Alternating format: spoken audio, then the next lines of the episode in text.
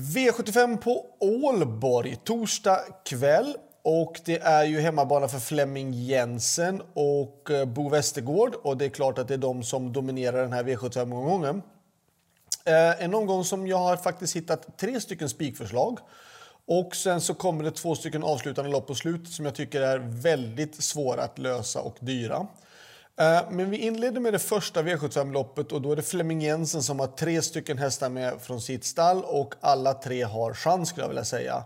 Eh, fem Targaryan tycker jag är intressant. Eh, Birger Jörgensen är jätteduktig. Uh, 9 Golden Rain och 11 Elver So Clever. Det är de som jag tycker det står normalt sett mellan. Skulle vi ha någon skrällbud med då är det nummer 1 Genoa som jag skulle vilja ta med i sådana fall. Men 5, 9 och 11 i utgångshästar. Eh, V75 2, då väljer jag att spika Flemming Jensen med nummer 8 Eros Sola. Eh, jättebra häst som kan vinna oavsett position. Värst emot är nummer 5 Elegant CN med Bo Westergård. Um, det står normalt sett mellan de här två, men jag tycker att 8 Erosola är den tuffare hästen och uh, väljer att spika den. Uh, V75 3, 6 Floris Baldwin, Bo Westergård.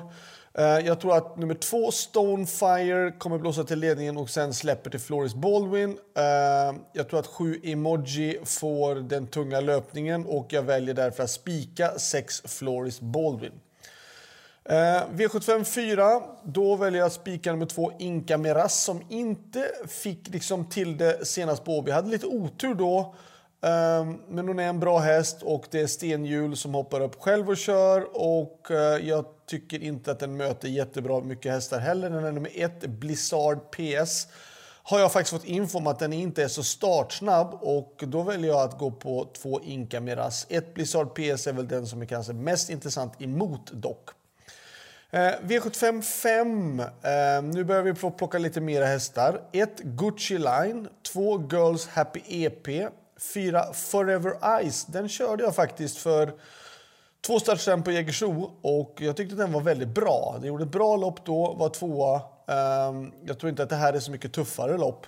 Eh, och den är inte alls mycket tippad. Den står just nu i 4% bara. Jag kan tycka att det är lite. 5 Frosty Eyes och 11 Condor Jet. Så att 1, 2, 4, 5 och 11 i den femte avdelningen. Sjätte avdelningen är ett långlopp och på start tycker jag det är nummer 3 Gibson SH. På 20 meters tillägg nummer 5 Gnags. På 40 meters tillägg då ska vi ta med nummer 8 Chablis, 10 Gangnam Style och 11 Twilight D.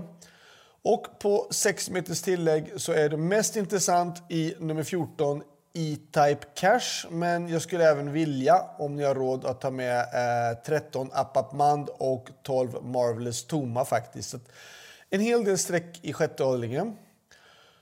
Sjunde avdelningen är det värsta loppet att tippa. För Det här är ett sprinterlopp där det känns som att allting kan hända.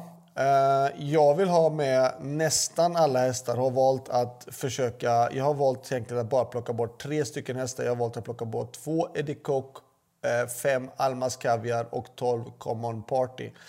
Ehm, men det här, för det här loppet är supersvårt. Jag vill alltså ha med ett 3, 4, 6, 7, 8, 9, 10 och 11. Eh, visserligen kanske man kan plocka bort 11 Quiz Rock. Den är inte alls mycket sträcka då den ska vinna från ett elfte spår på 600 meter bil. Eh, jag vill inte ta bort då 8 Hockstead med Victor Gens. Det vill jag inte ta bort. 7 Honor.